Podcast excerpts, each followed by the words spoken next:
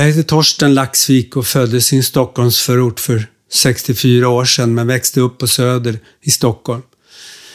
Staden stod mig och familjen upp i halsen i slutet på 90-talet och då flyttade vi upp till Edsele i Ångermanland där vi också spelar in det här programmet.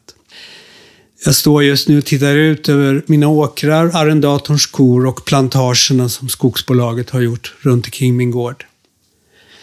Har nu bott här i 20 år och verkat som jordbrukare, utbildare och också drivit ett litet slakteri. Mitt politiska uppvaknande skedde i kölvattnet av 68-rörelsen. Jag har deltagit i många Vietnamdemonstrationer och var skodd i bruna arbetarskor under hela gymnasietiden, inköpta på Grolls på Gamla Brogatan. Känner ni stanken från Enskilda banken? skanderade vi under Kungsbroarna när vi passerade banken med kopplingar till Bofors och hemliga vapenaffärer med USA. ABBA var skit på den tiden och vi drack mängder med vin under Gärdes och Hagafestivalerna. Mitt hjärta sitter till vänster och allt mer åt det revolutionära hållet, tvärt många andra. Och det hela handlar om en dröm, en längtan djupare än den borgerliga tron på rättvisa. Drömmen handlar om att upprätta ekonomisk demokrati, om människovärde. Demokrati har alltid intresserat mig och ju mer jag lärt, ju mer komplicerat har det blivit. Men nu anar jag faktiskt ljuset. Vi tar det från början.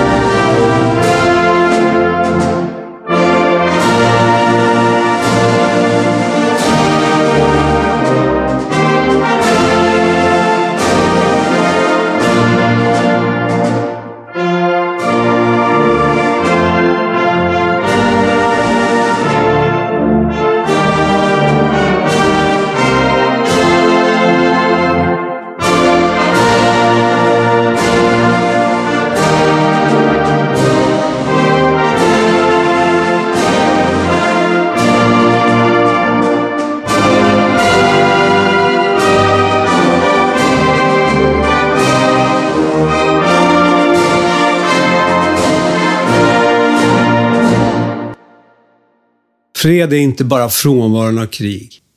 Rousseau sa att orsaken till väpnade konflikter är endast meningsskiljaktigheter beträffande rätten till egendom.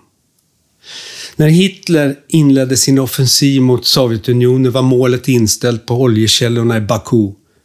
Försöken att sänka Venezuela handlar om olja. USAs folkrättsvidriga angrepp på Irak och NATOs mot Libyen handlade uteslutande om kontrollen över fossila tillgångar och dollarn. När Saudiarabien ville att OPEC gemensamt skulle stänga kranarna för att hålla oljepriset uppe vägrade Putin i en medveten strategi för att sänka USAs frackingindustri. Sånt är spelet om den billiga energin. Det pågår ett krig, om än inte alltid med vapen. Önationer dränks redan, pandemier uppstår ur vårt missbruk av naturen alla vet detta och du som lyssnar vet. Det privata tillägnandet av naturtillgångar orsakar de flesta krig och konflikter idag. Den ohejdade naturförstörelsen är möjlig tack vare att naturen utanför människan inte är något eget subjekt utan uteslutande ett objekt för den privata jakten efter rikedomar. Naturen saknar rättigheter och är däremot föremål för godtycke. Länder bekrigar varandra för att företagen i dem vill komma över råvaror. Men privata företag och stater bekrigar också naturen i sig. Det industrialiserade jordbruket världen över konsumerar just nu mullkapitalet i jordarna genom sina brukningssystem. Den industriella matproduktionen hugger ner världens skogar, reducerar den biologiska mångfalden och släpper ut enorma mängder koldioxid och klimatgaser i jakten på kortsiktiga vinster. Atmosfären är fylld av klimatgaser och haven av plast. Det industriella skogsbruket är en katastrof för naturen med skövlad biologisk mångfald och undanhållen kolinlagring. De forna skogarna i Sverige är till största delen omvandlade till plantager. De flesta verkar inte ha märkt det. Granarna står som soldater på raka led i skogarna, men ingen känner längre vad en riktig skog är. Sanningen är att varken stater eller kapitalet förmår skörda naturen utan att förstöra den. När de exploaterar kortsiktiga ekonomiska vinster, sopor och förstörelse ut ur processen. Men hur gick det till egentligen? Hur kunde vi låta detta ske?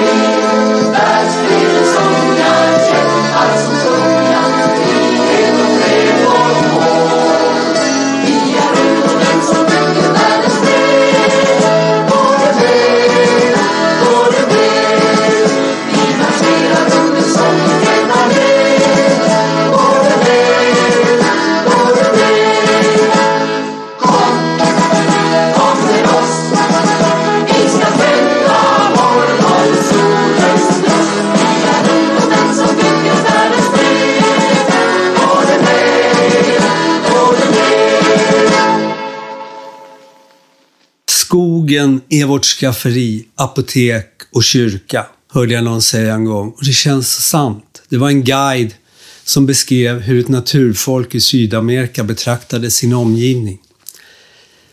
Som barn i en Stockholmsförort var vi jämt i skogen och lekte. Det fanns en lekpark, men det var skogen vi ville vara i.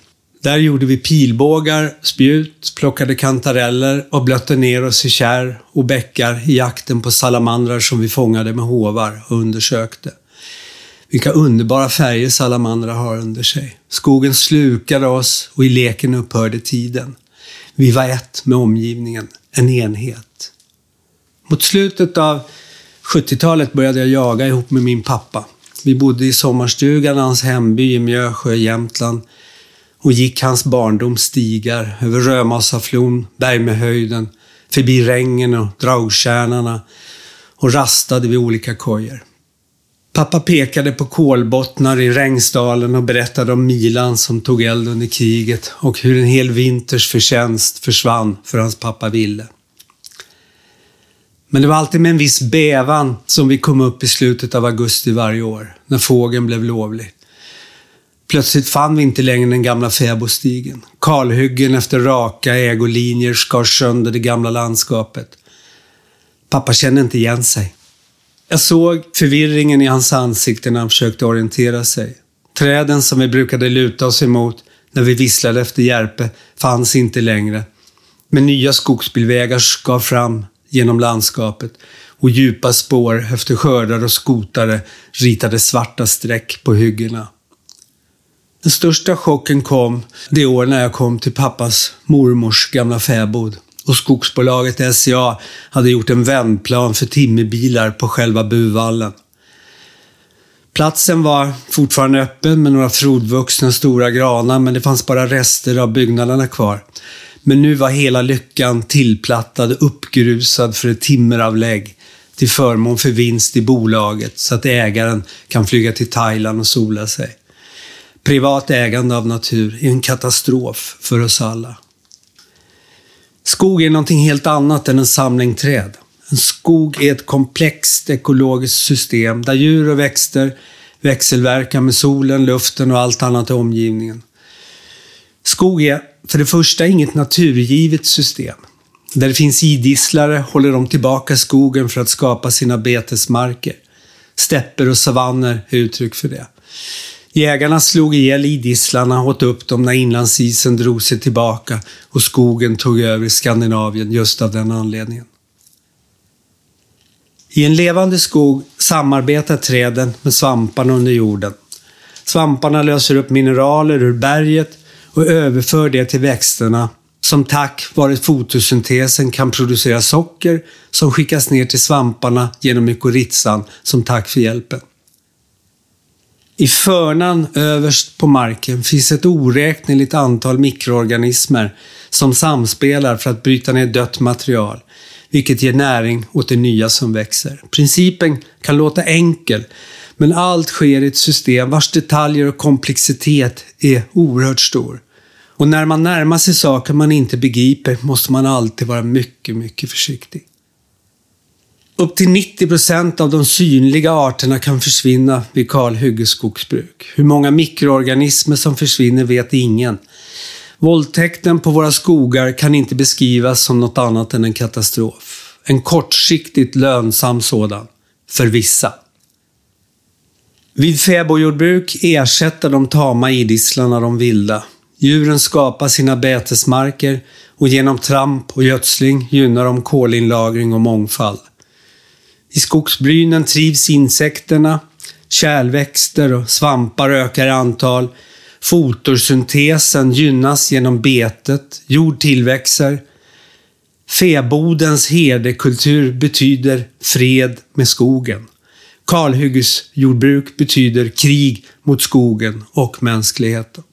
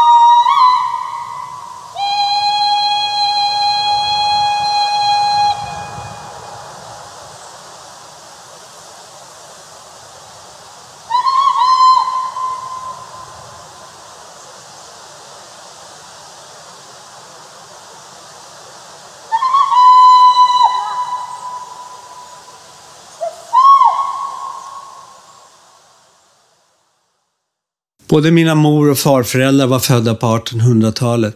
Morfar hade handelsträdgård utanför Sigtuna och farfar anlade ett Per Albin-jordbruk.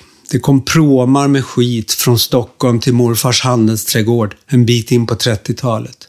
Där var jorden lerig och vi fick skyffla kol i oändliga rader när vi hälsade på hos morfar.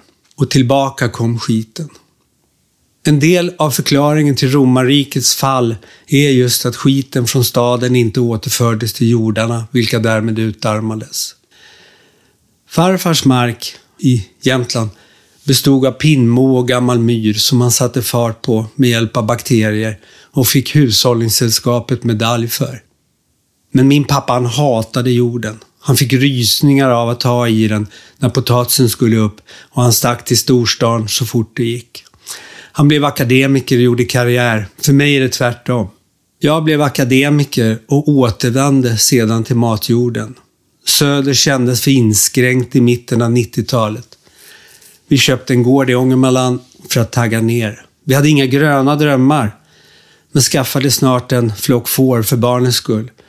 Och jag odlade grönsaker på traditionellt sätt. Jag älskar att gräva upp potatis med händerna. Först dra upp ståndet, skaka av jorden och sen ner med fingrarna i jorden för att leta reda på de pärer som är kvar. Men det gör ont när jorden tränger in under naglarna. Den som har odlat potatis förstår. Men jag förstod inte jorden, utan gled in i traditionellt jordbruk när jag så småningom också skaffade kor. Naturligtvis använde jag varken konstgödning eller gifter, utan odlade mest grönfoder till djuren. Men jag hade inte en susning om processerna i jorden. Det har jag lärt mig successivt och en ny värld har öppnat upp sig. Kortfattat kan man säga att dagens industrijordbruk är en lika stor katastrof för naturen som kalhyggesskogsbruket. Veteöknarna på slätterna kan tjäna som exempel. År efter år plöjs jordarna, konstgödslas och besprutas mot insekter, mögel och annat. Och när jorden vänds upp oxiderar det organiska materialet till klimatgaser. Mull, matjord, blir koldioxid och klimatgas. Matjorden konsumeras helt enkelt. Det har tagit hundratals år, tusentals år, att bygga upp, men den billiga oljan gör det möjligt att plöja och åter plöja. Eftersom jordarna inte gödslas med skit längre i så stor utsträckning, utan med konstgödning, tillförs endast mineraler, men inga spårämnen och annat som finns i dyngan. Vid plöjning bryter man också växternas samarbete med svamparna i jorden som i sig utgör en viktig del av kolinlagringen. Industrijordbrukarna tar sig alltså rätten att släppa ut klimatgaser. De agerar som om de ägde atmosfären. I mitt perspektiv är både biologisk mångfald och atmosfären mänskliga rättigheter. Som människor har vi rätt att leva i en hållbar natur, eller rättare sagt, vi har skyldigheten att inte förstöra naturen. Men vi har rätten att bruka den. Tanken att göra naturen till ett rättssubjekt är tilltalande. Skogen har rätt att vara skog. Matjorden rätt att vara ett levande system. Mycket av det vete vi konsumerar är odlat i ohållbara system. Vi kallar dem för Västgötaslättens veteöknar, randiga av giftsprutor. Och det är du som äter sötebröd på kanelbullens dag som är problemet.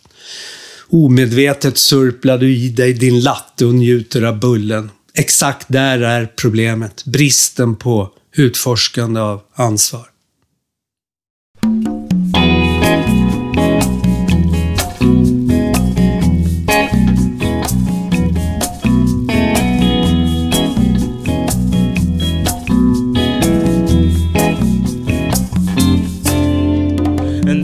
när jag ligger i soffan och tar det lugnt. Plötsligt skriker i magen och kurrar så tungt. Jag upptäcker att jag är hungrig. Det måste jag göra något åt. Så jag går ut i köket, tar fram mjöl, socker och kanel och lite till som kan behövas för en härlig deg. För jag vill ha en bulle med kanel, kanel i en bulle, en bulle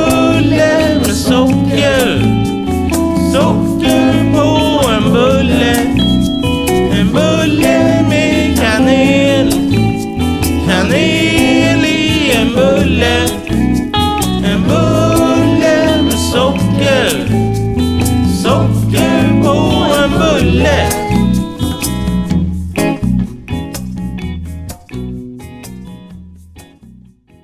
Historien är full av kulturer som går under. Oftast handlar det om människans dåliga förhållande till den natur som föder henne.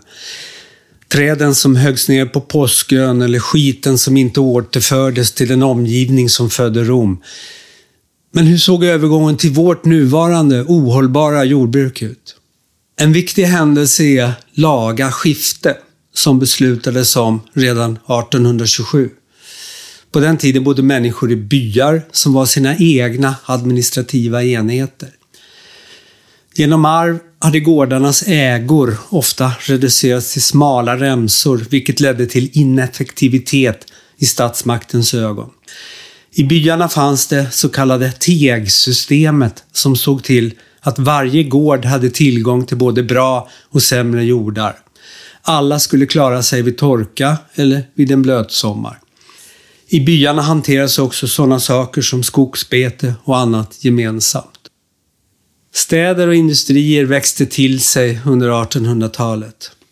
Det behövdes mat, men jordbrukarna var inte så angelägna att sälja den mat de producerade. Den skulle de ju äta. Genom laga skifte slogs byarna sönder och husen flyttades ut till de nya ägorna.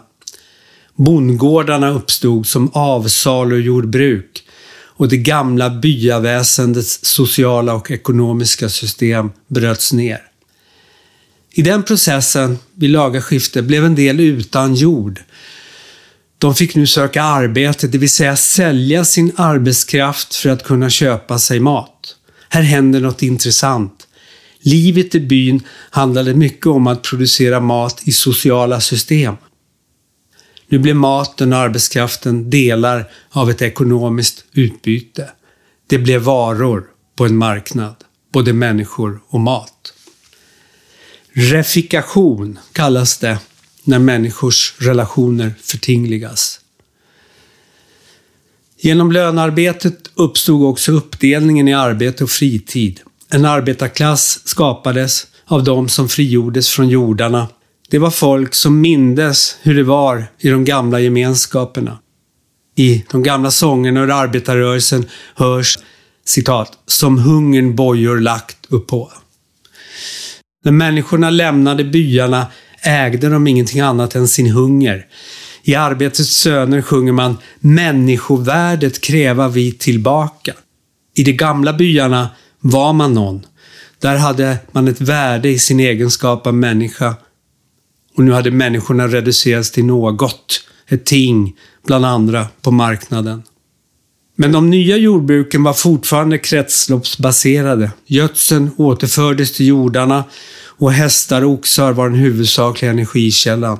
Det var tungt att plöja och det gjorde man så sällan som möjligt. Det här är en historia om krigen om och mot naturen och om hur vi kan göra för att få fred på jorden och inte minst fred med jorden.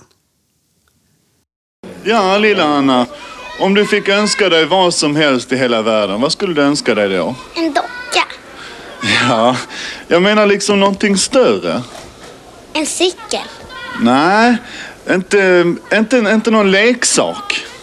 Mm, en video. Nej, nej, alltså inga, inga, inga saker liksom, utan någonting som är, som är jätteviktigt, som alla människor på jorden vill ha. Mat. Nej, mat och mat alltså. Nej, någonting som är, som är, är, är viktigt, som man demonstrerar för, som, som Amerika och Ryssland ska prata om. Vad är det? Pengar. Nej, pengar och pengar, vad fan är det enda du tänker på? Dockor och cyklar och pengar och mat och sånt? Skit alltså, vad fan?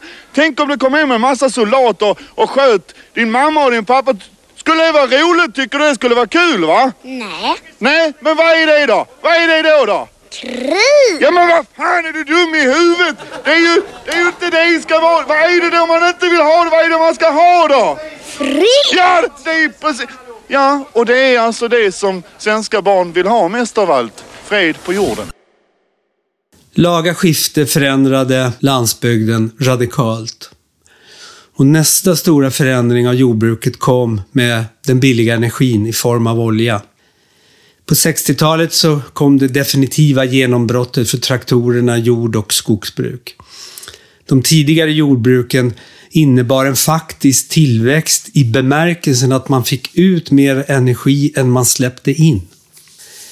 Med den billiga oljan förbyttes detta. Nu satte man in mer energi än man fick ut med hjälp av fossila resurser.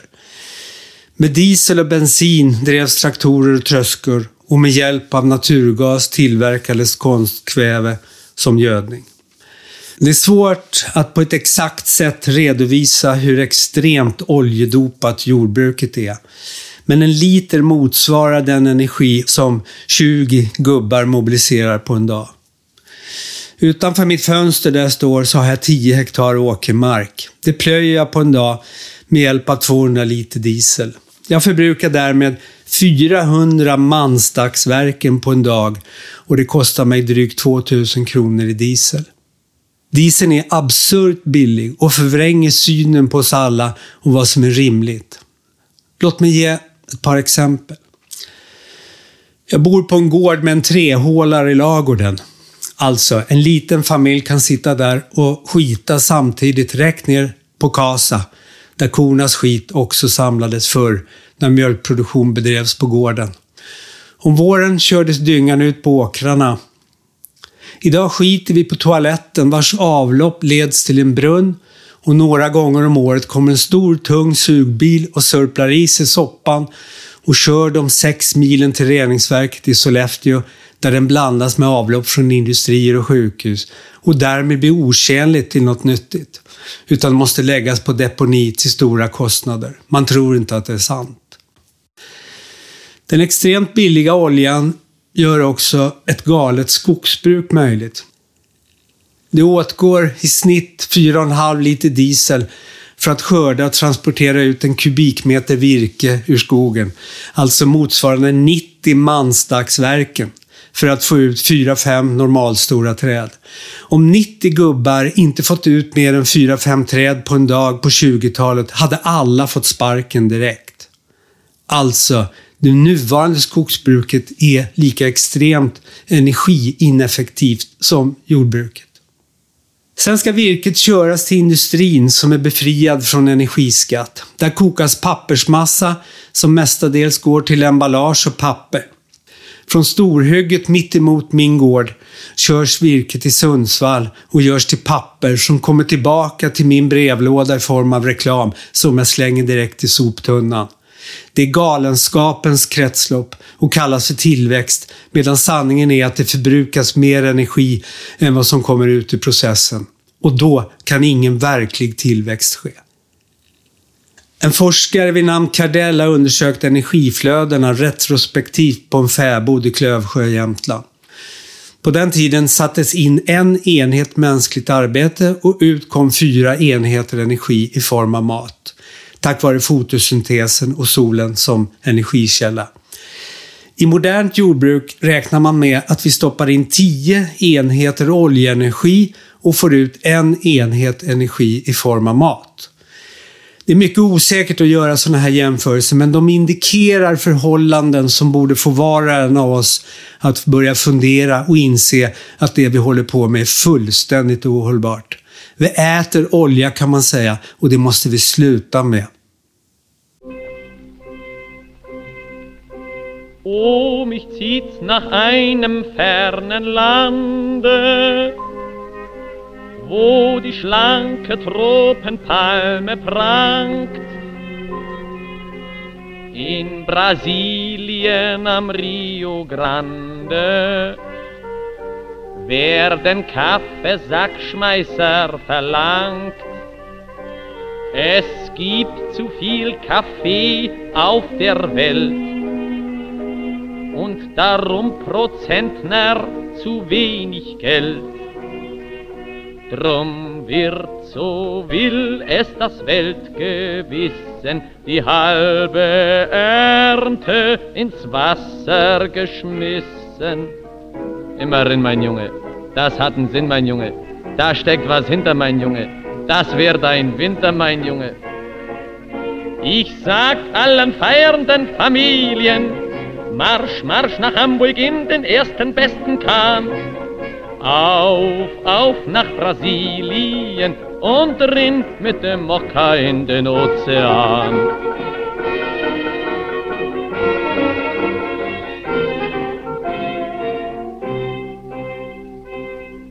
Und hat der Menschenhai am Rio Grande an seinem nassen Kaffee profitiert,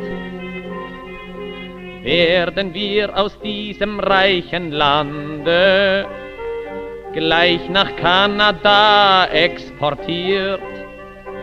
Es gibt zu viel Weizen auf der Welt und darum pro Tonne zu wenig Geld. Die Nahrung könnte zu billig sein, drum muss der Weizen ins Feuer rein. Immerhin, mein Junge, das hat einen Sinn, mein Junge. Da steckt was hinter, mein Junge. Das wird ein Winter, mein Junge. Proleten, packt eure Habe. Die reiche Ernte hat uns die Preise verhunzt. Brotfrucht ist Teufelsgabe, drum rinnt mit die Schrippen in die Feuersbrunst.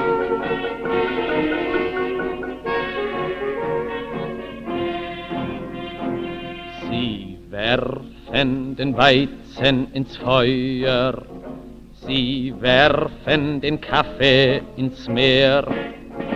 Und wann werfen die Säcke-Schmeißer die fetten Räuber hinterher?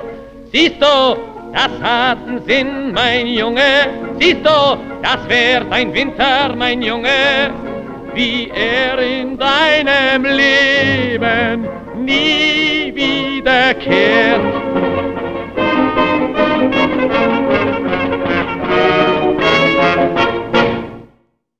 Och då är vi tillbaka till frågan vems ansvar det är att det ser ut som det gör och vems ansvar det är att förändra det. Martin Luther King sa den yttersta tragedin är inte de onda människornas brutalitet, utan de goda människornas tystnad. Man vill ju vara god, men frågan är hur bryter vi tystnaden? Och jag vill berätta lite grann om NIP-akademins historia. Det flyttade hem en pensionerad massafabrikör till Ramsele efter ett liv i skogsindustrins tjänst. Han såg hur det gamla landskapet från barndomen hade förbuskats och det lokala jordbrukarlivet försvunnit. Där nipsippan en gång vuxit stod alsnåren nu täta. Han sammankallade ett antal personer och vi bildade NIP-akademin för att öppna upp kulturlandskapet och främja företagande runt naturen. Att röja för hand var uteslutet. Vi behövde djur, men bönderna hade redan försvunnit med EU-inträdet.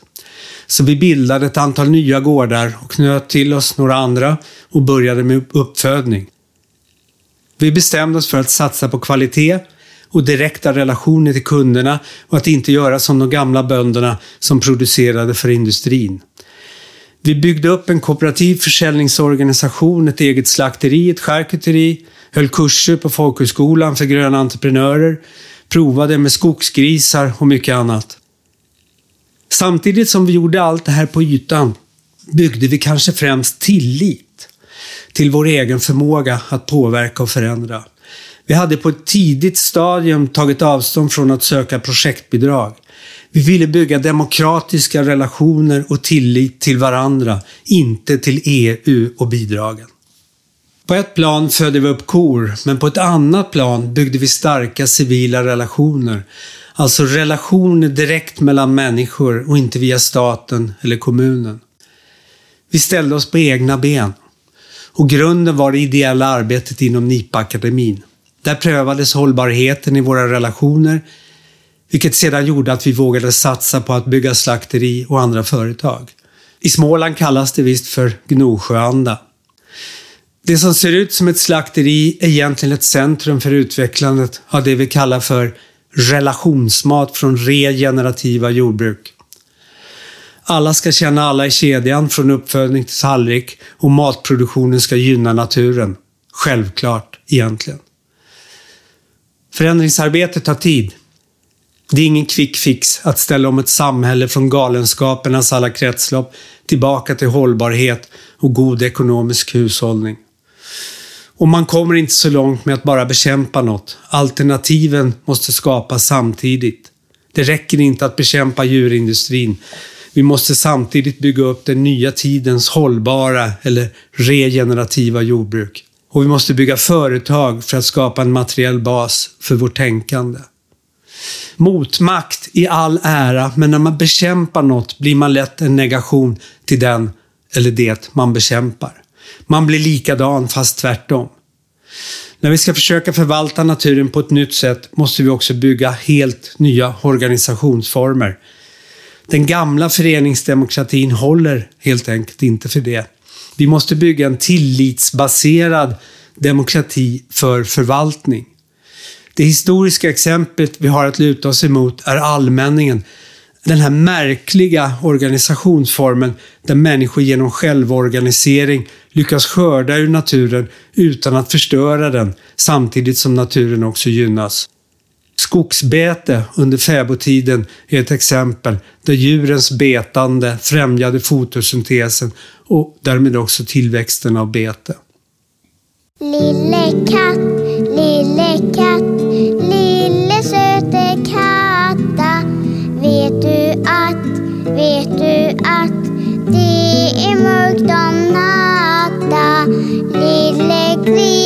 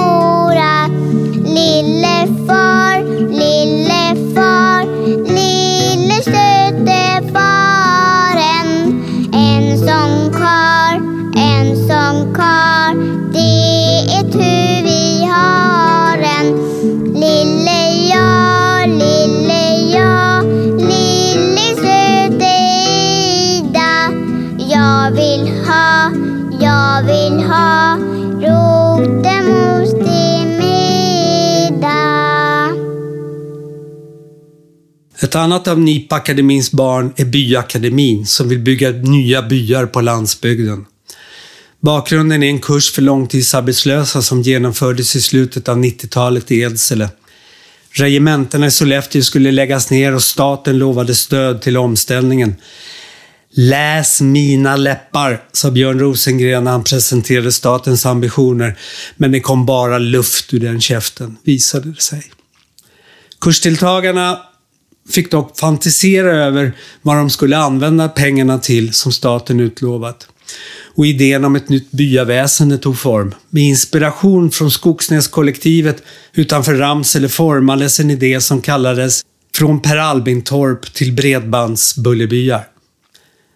Stat och kommun har på olika sätt gynnat bostadsutvecklingen i landet. På 20-talet kom egna hemsrörelsen som ledde till små villor i förorterna i städerna och till Per Albin-torpen på landsbygden. Under anläggningstiden då kraftverk och fabriker byggdes skapades hyreshus och småvillor runt om och på 60-talet när landsbygdsfolket skulle till städernas fabriker tog miljonprogrammet vid. På landsbygden idag finns inga moderna boenden, utan husen som står där kommer från passerade ekonomiska epoker. Bondgårdarna, Per Albin-torpen och hyreshusen i landsbygdens mindre tätorter. I takt med den tilltagande insikten om att industrijordbruken inte är hållbara och att städerna är ohållbara eftersom de lever av en ohållbar landsbygd har tankarna kring alternativen utvecklats. Våra städer är extremt sårbara och jordbrukarna är faktiskt de som råkar illa ut först vid en kris. Många tror att man gör mat på industrijordbruken, men det är helt fel. De gör bulk åt livsmedelsindustrin. När internet rasar eller strömmen bryts så blir det katastrof. Vad gör du med 500 ton sockerbetor i en stuka? Eller en full spannmålstork när strömmen bryts? Allt möglar på några timmar och grisarna i stallarna dör av sina egna avgaser.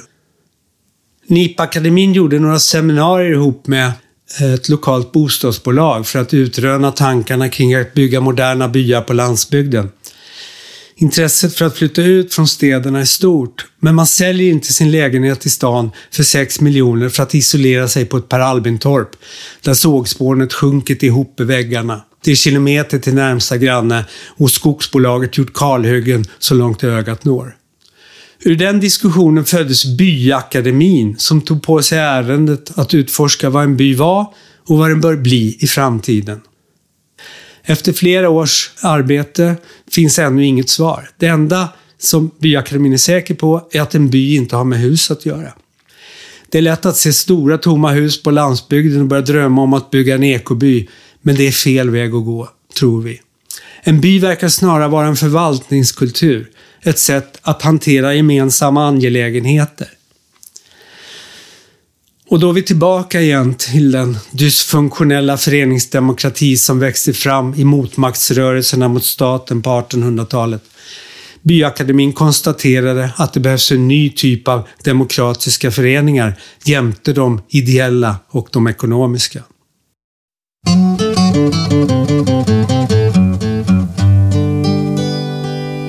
Minnena kommer så ofta till mig nu är allt borta, jag fattar det ej. Borta är huset där murgrönan klängde. Borta är grinden där vi stod och hängde. Lyckliga gata du som varje dag hörde vårt glam en gång fanns rosor här där nu en stad fort växer fram. Lyckliga gatan, du finns inte mer. Du har försvunnit med hela kvarter. Tystnat har leken, tystnat har sången. Högt över marken svävar betongen. När jag kom åter var allt så förändrat. Trampat och skövlat, fördärvat och skändat. Skall mellan dessa höga hus en dag stiga en sång.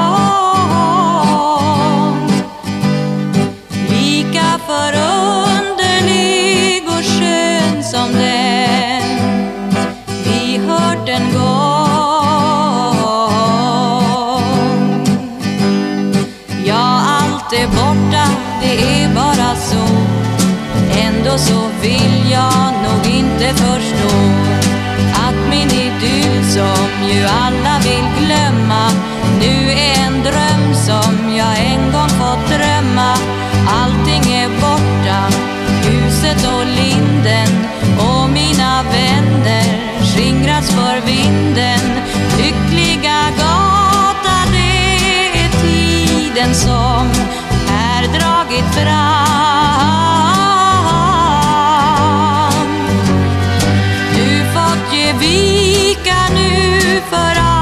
Asfalt och för makadam. Lyckliga gatan, du finns inte mer. Du har försvunnit med hela kvarter. Tystnat har leken, tystnat har sången. Högt över marken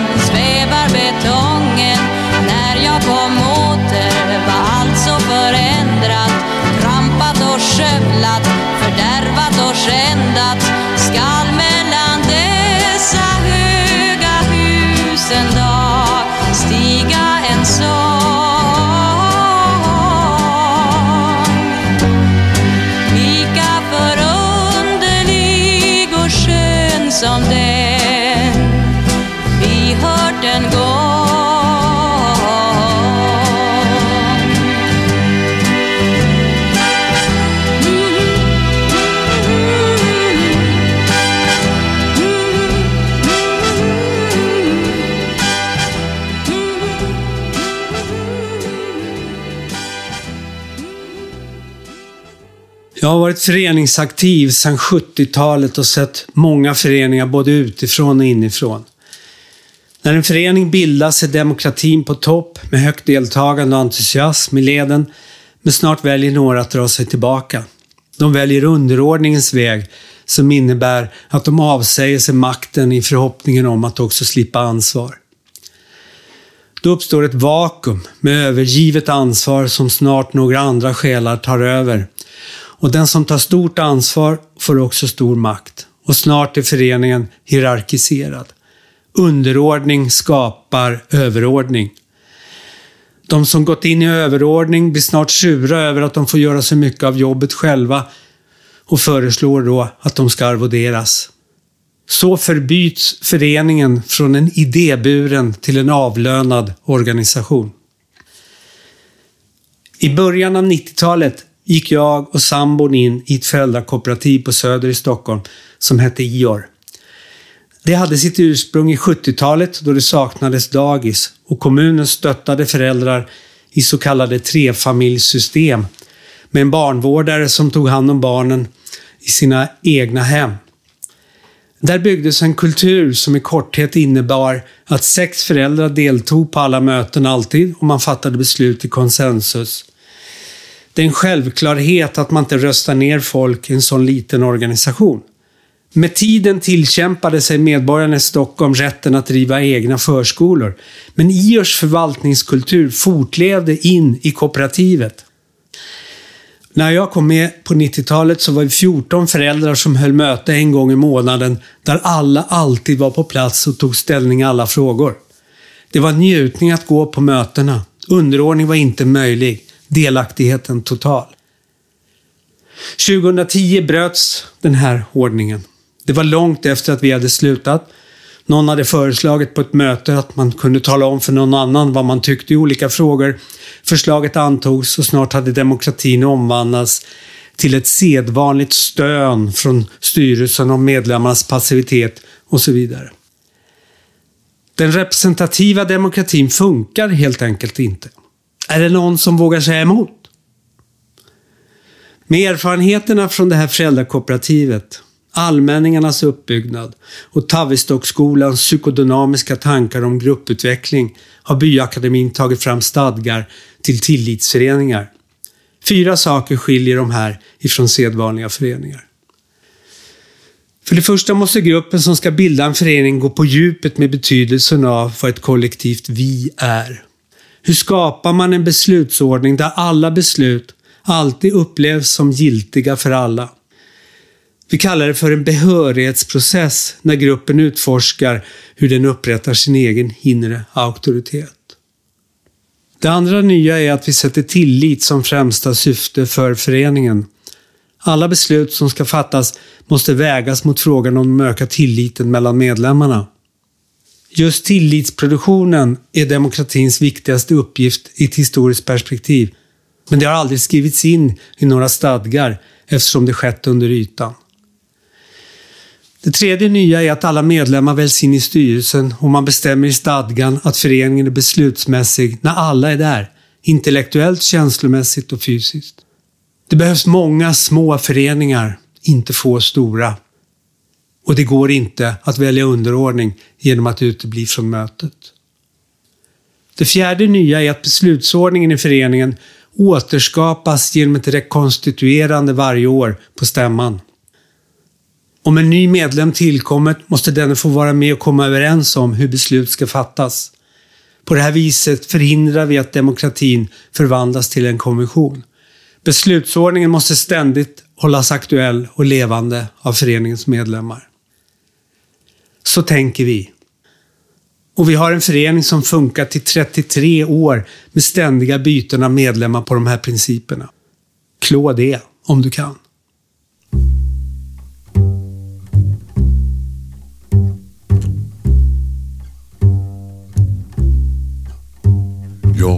Liksom så måttfull utav mig och är inte alls någon sån där tokig revolutionär. Jag tycker mig vara någonting sådär ungefär som man tycker sig vara när man är helt ordinär. För jag tycker nog för det mesta som de flesta om det mesta. För det tycker de är det bästa, det tycker jag med.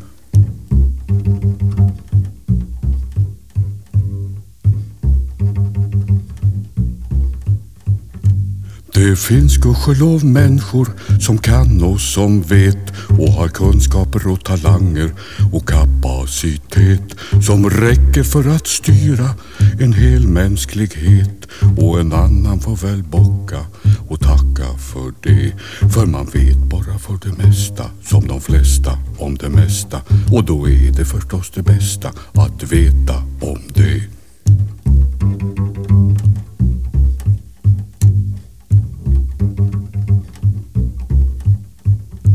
För det gäller förstås ännu för människa och nöt som Gud fader i sin allvisa klokhet beslöt och makten till de stora och stöddiga knöt så att småfolk ska ej lägga sin näsa i blöt. För man kan bara för det mesta som de flesta om det mesta och det kan kanske vara det bästa. Vad vet jag om det?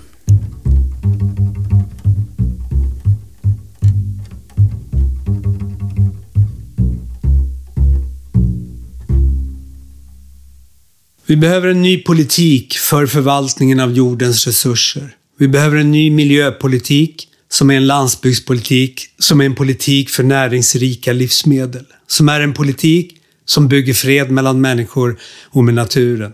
Som är en politik för starka livsmedelsproducerande lokalsamhällen som lever gott i fredstid och klarar kriser vid år. Vi behöver ett nytt miljonprogram helt enkelt. Ett omvänt miljonprogram. Var tionde svensk måste producera mat om vi ska göra det utan att tära på jordens ändliga resurser. Vi behöver en miljon arbetsföra tillbaka till landsbygden. Självförsörjarna säger att de kan göra mat till tio till om de jobbar heltid med matproduktion. Gunnar Lindstedt säger i boken Svart jord att utan olja måste var femte arbetsför tillbaka till jorden. Och vi kan göra det med tre enkla steg. Nummer ett är att ge matproducenterna som gynnar kolinlagring och biologisk mångfald i sina odlingar 100 000 i årligt grundavdrag. Nummer två är att bygga upp helt nya jordbrukarutbildningar för regenerativa jordbruk på folkhögskolor. Nummer tre är att bygga upp ett nytt byaväsen på landsbygden. Det vi kallar bredbandsbullerbyar. Gamla funktioner i moderna miljöer. Inte tillbaka till något, utan framåt till något nytt. Eftersom vi inte litar på staten så tror vi inte på idén om grundavdrag. Tyvärr. Magdalena Andersson och Per Bolund satsar våra skattepengar på att hålla skatteflyktiga bilföretag under armarna. Det kallas krisbekämpning och är en del av galenskapens kretslopp. Folkhögskoleutbildningen är faktiskt redan igång. Över 20 skolor håller redan på med den här typen av utbildningar. Sollefteå kommuns bostadsbolag gör en förstudie om den nya tidens byar och intresset för det geniala fäbodjordbruket ökar. Låt mig berätta om Bredbandsbullerby-buan. Och en bua är alltså en fäbod.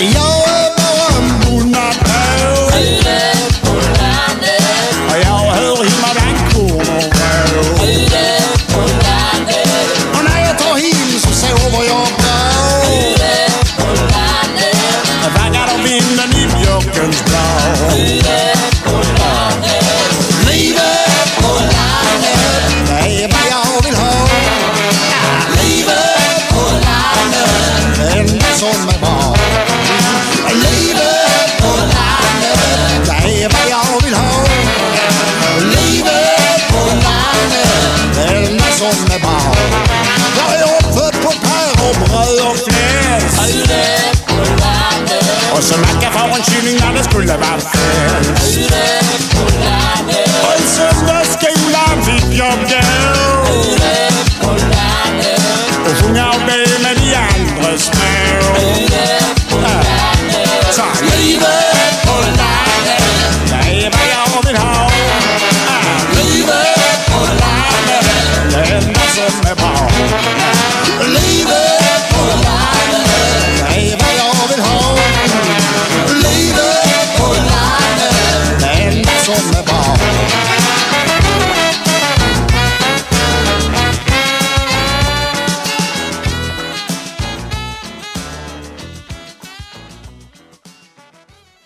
Jag är på en fäbod när det här sänds. Vi är en liten grupp matmänniskor som fascinerats av fäboden med sin herdekultur och kvaliteten på de ostar som kan produceras där. Vi bestämde oss för att starta upp en gammal fäbod som vi fått låna. Men vi ska inte tuta näverlurar och klä oss i folkdräkter. Vi ska utforska fäbodens innersta väsen. Vilka är de väsentliga dragen i den gamla svenska herdekulturen? Vi har förstått att den hållbarhet vi ser måste betraktas ur tre aspekter. Ekonomiskt, ekologiskt och socialt. Vi är inte inne på att servera våfflor till turister, utan hellre sammanfatta varför detta jordbruk är överlägset det mesta vi ser i Sverige idag. En fäbod kan se ut nästan hur som helst, men grundprincipen är att man håller djuren på annan plats än hemgården under betesäsongen och konserverar maten som produceras inför vintern i form av ost, mese, smör och kulturmjölk. Man går upp med djuren till buan så fort det finns bete och stannar kvar tills betet tar slut.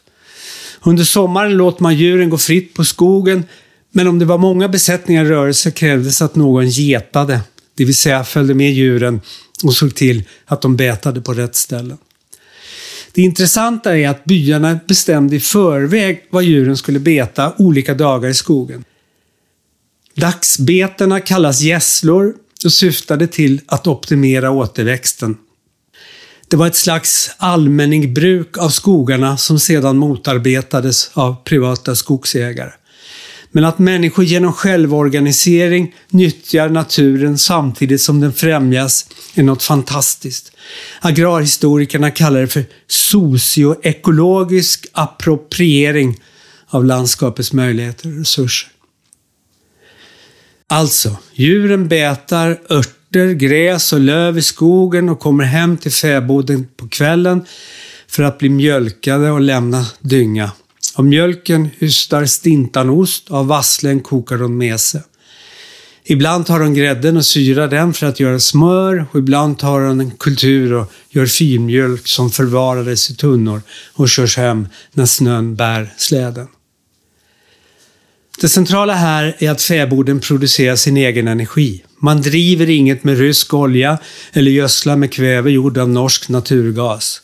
Här sker en verklig tillväxt med hjälp av energin från solen och växternas fotosyntes.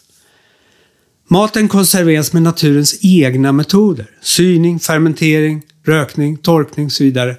Med hjälp av mjölksyrabakterier konkurreras eventuella dåliga bakterier ut. Mesen torkades också ofta för att förlänga hållbarheten. Sommarens explosion av Norrlandets grönska koncentrerades för att mätta under den kalla och mörka årstiden. Om vintern tog man fram sitt torkade kornbröd, bredde smör, la ost och rev mese över och fick fullvärdiga måltider på detta sätt. Och ingen blev förgiftad av nitrit eller andra tillsatser. Genom århundraden hade människorna lärt sig att konservera. Det fanns en enhet mellan produktion och konsumtion som vi saknar idag. De som gjorde maten åt den också, eller de som var nära producenterna och kunde därför lära sig direkt av sina misstag. Idag kallar vi den här närheten för relationsmat. Inget certifieringssystem i världen kan ersätta den personliga relationen. Verksamheten på fäboden sker i ett kretslopp. Solen ger energi till växterna som korna tuggar i sig och bakterierna i vommen slukar cellulosan som ger näring åt kon som dyngar i skogen eller i lagården. Skiten sprids sedan ut som näring åt mikrolivet i jordytan så att kornåkern eller hölägdan tar fart. Djurhållning och växtodling i ett soldrivet kretslopp. Tack för det, solen. In med dig i nålsögat kamel. Game over lyser på ditt tv-spel. Faxen tiger stum som en kall fis och börjar lukta blandad disk. Ja, in med dig i nålsögat kamel. Inga rikedomar följer med din själ. Alla barn på scenen, de svalt ihjäl in med dig i nålsögat kamel Jag hade skalbolag och skaldjurssugarfnask Jag plastikopererade min task. Jag bodde i ett slott med kissfontän En pojke av brons står där och kissar en Man ska få välja hur man bor, jag tar mig fan och några väljer andra sidan stan. Några väljer Västra Flemingsberg. Några väljer hus i lila färg Ja, in med dig i nålsögat kamel Jag vaknade på morgon ren och hel. Jag pratade med nallen, köp och sälj. For iväg i jackan, körde på en älg det blev mos av älgen mig och av min bil. Han gick i vägen, vilken jävla stil. Han borde hålla sig i sin djurpark.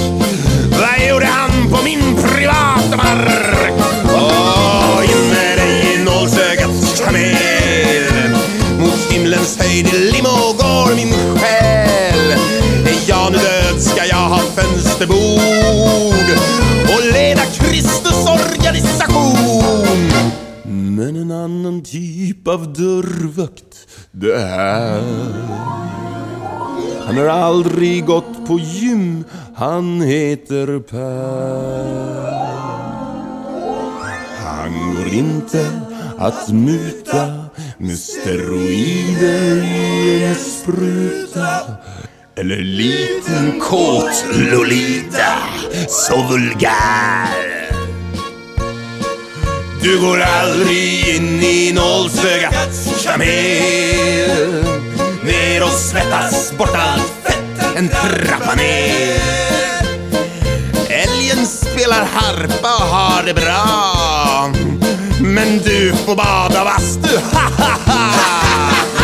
Ta in med dig en nålsögat. Kamel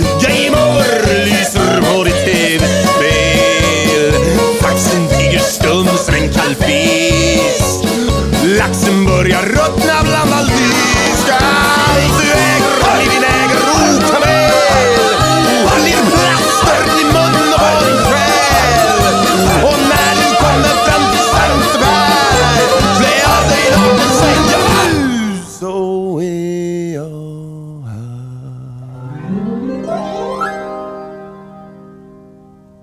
Inget modernt jordbruk klarar idag av det som fäboden gjorde.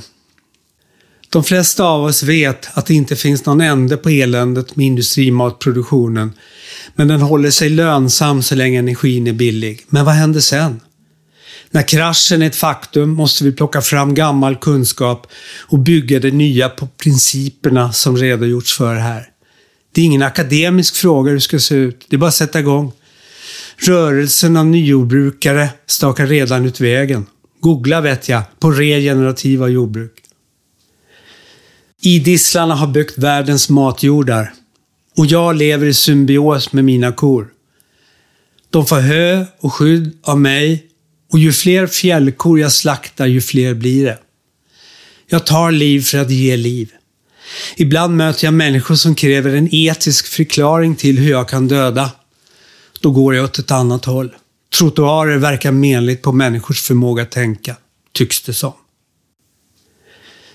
NATO betyder för mig både krig om naturen och mot naturen.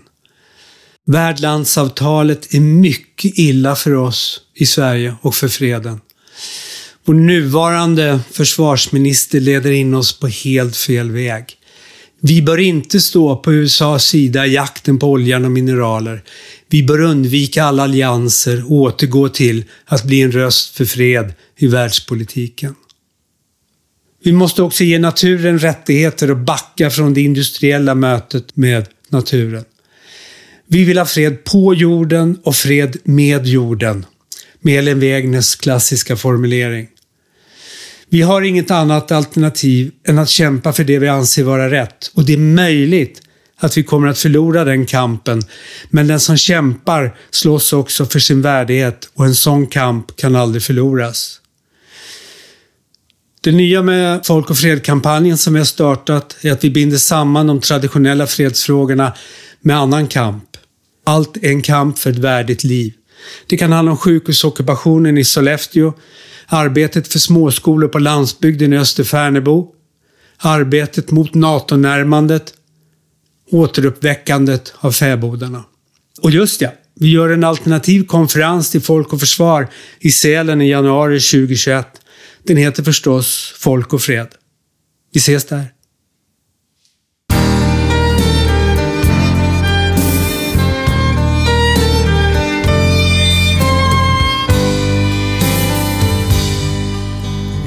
Färjan till Travemünde i en sommarnatt som var blå. Fyra vanliga svenska turister i en gammal sliten Renault. Vi skulle till olika ställen och vi kände knappt varann. Men för att spara bensin och pengar kunde sällskapet nog gå an.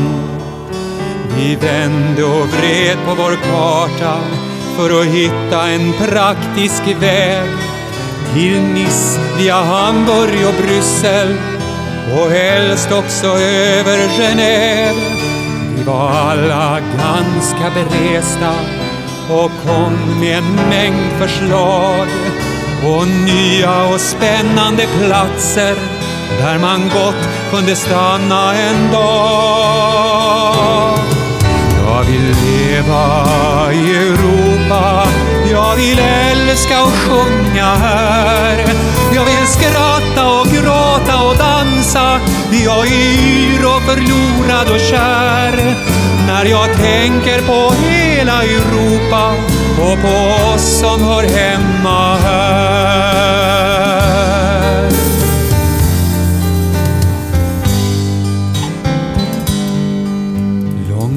Ute på Tysklands hedar blev vi hejdade av en transport. En konvoj av NATO-raketer på väg mot okänd ort. Deras tyngd fick marken att skälva där vi satt i vår bil och såg på. Där är döden, sa Lena från Småland.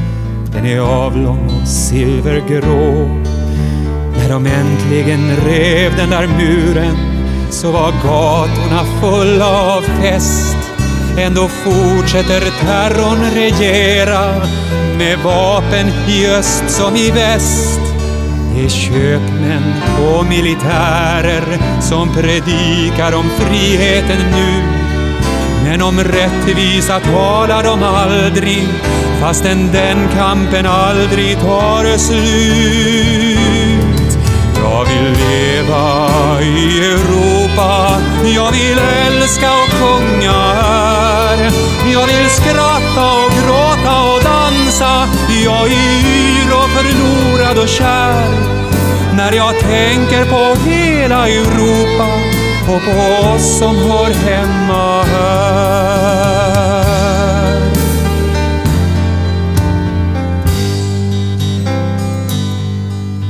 Jag blev kär i en kille från Grekland sa Peter en sommar på Ven. Men nu lär han ha flyttat till München. För det fanns inga jobb i Aten. Jag minns för förra julen i London, sa Lena, där har jag en vän. Han jobbar på British Museum, men blev kallad till Irland igen. Där kättarna levde, sa Anders, i Bezu, Carcassonne och Albi hörs visst fortfarande deras röster i de berg där man tog deras liv. I Leningrads månsken en vinter tog vi hand om en herrelös hund. Med en blick full av hopp och förväntan stal han mitt hjärta på en sekund. Jag vill leva i Europa, jag vill älska och sjunga här. Jag vill skratta och gråta och dansa, jag är yr och förlorad och kär. När jag tänker på hela Europa och på oss som hör hemma här.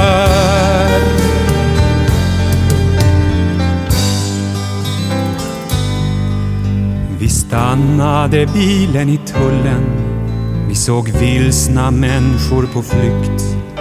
En kvinna som bar på en koffert och en halvvuxen pojk som betryckt med ett flickebarn slutet i famnen tycktes vädja om vår sympati medan tulltjänstemännen generat gav oss order att köra förbi. De som gläds åt brödet och vinet högt i bergen där tiden stått still. De finns kvar som sorgsna legender som ingen vill lyssna till.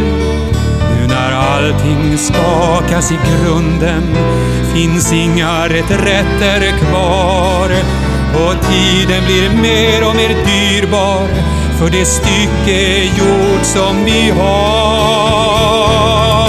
Jag vill leva i Europa, jag vill älska och sjunga här. Jag vill skratta och gråta och dansa, jag är yr och förlorad och kär. När jag tänker på hela Europa och på oss som hör hemma här.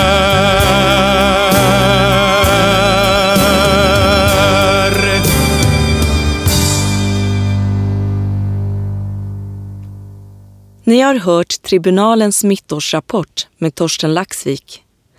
Musiken som spelades var Internationalen med Orkester Classica, Världsungdomssången med Röda kapellet, Svärsmärtas kulning med Lena Willemark, Kanelbullen med Villesund från Stora Blå Kultur, Fred på jorden med Sven Melander, Ballade von der Säckerschmeisern med Ernst Busch, Lille katt med Lena Wisborg, Lyckliga gatan med Anna-Lena Lövgren, Som de flesta med Allan Edwall, Livet på landet med Peps Persson, Den döende Juppin med Stefan Sundström.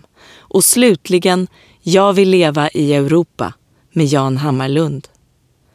Håll utkik efter fler mittårsrapporter på tribunalen.com.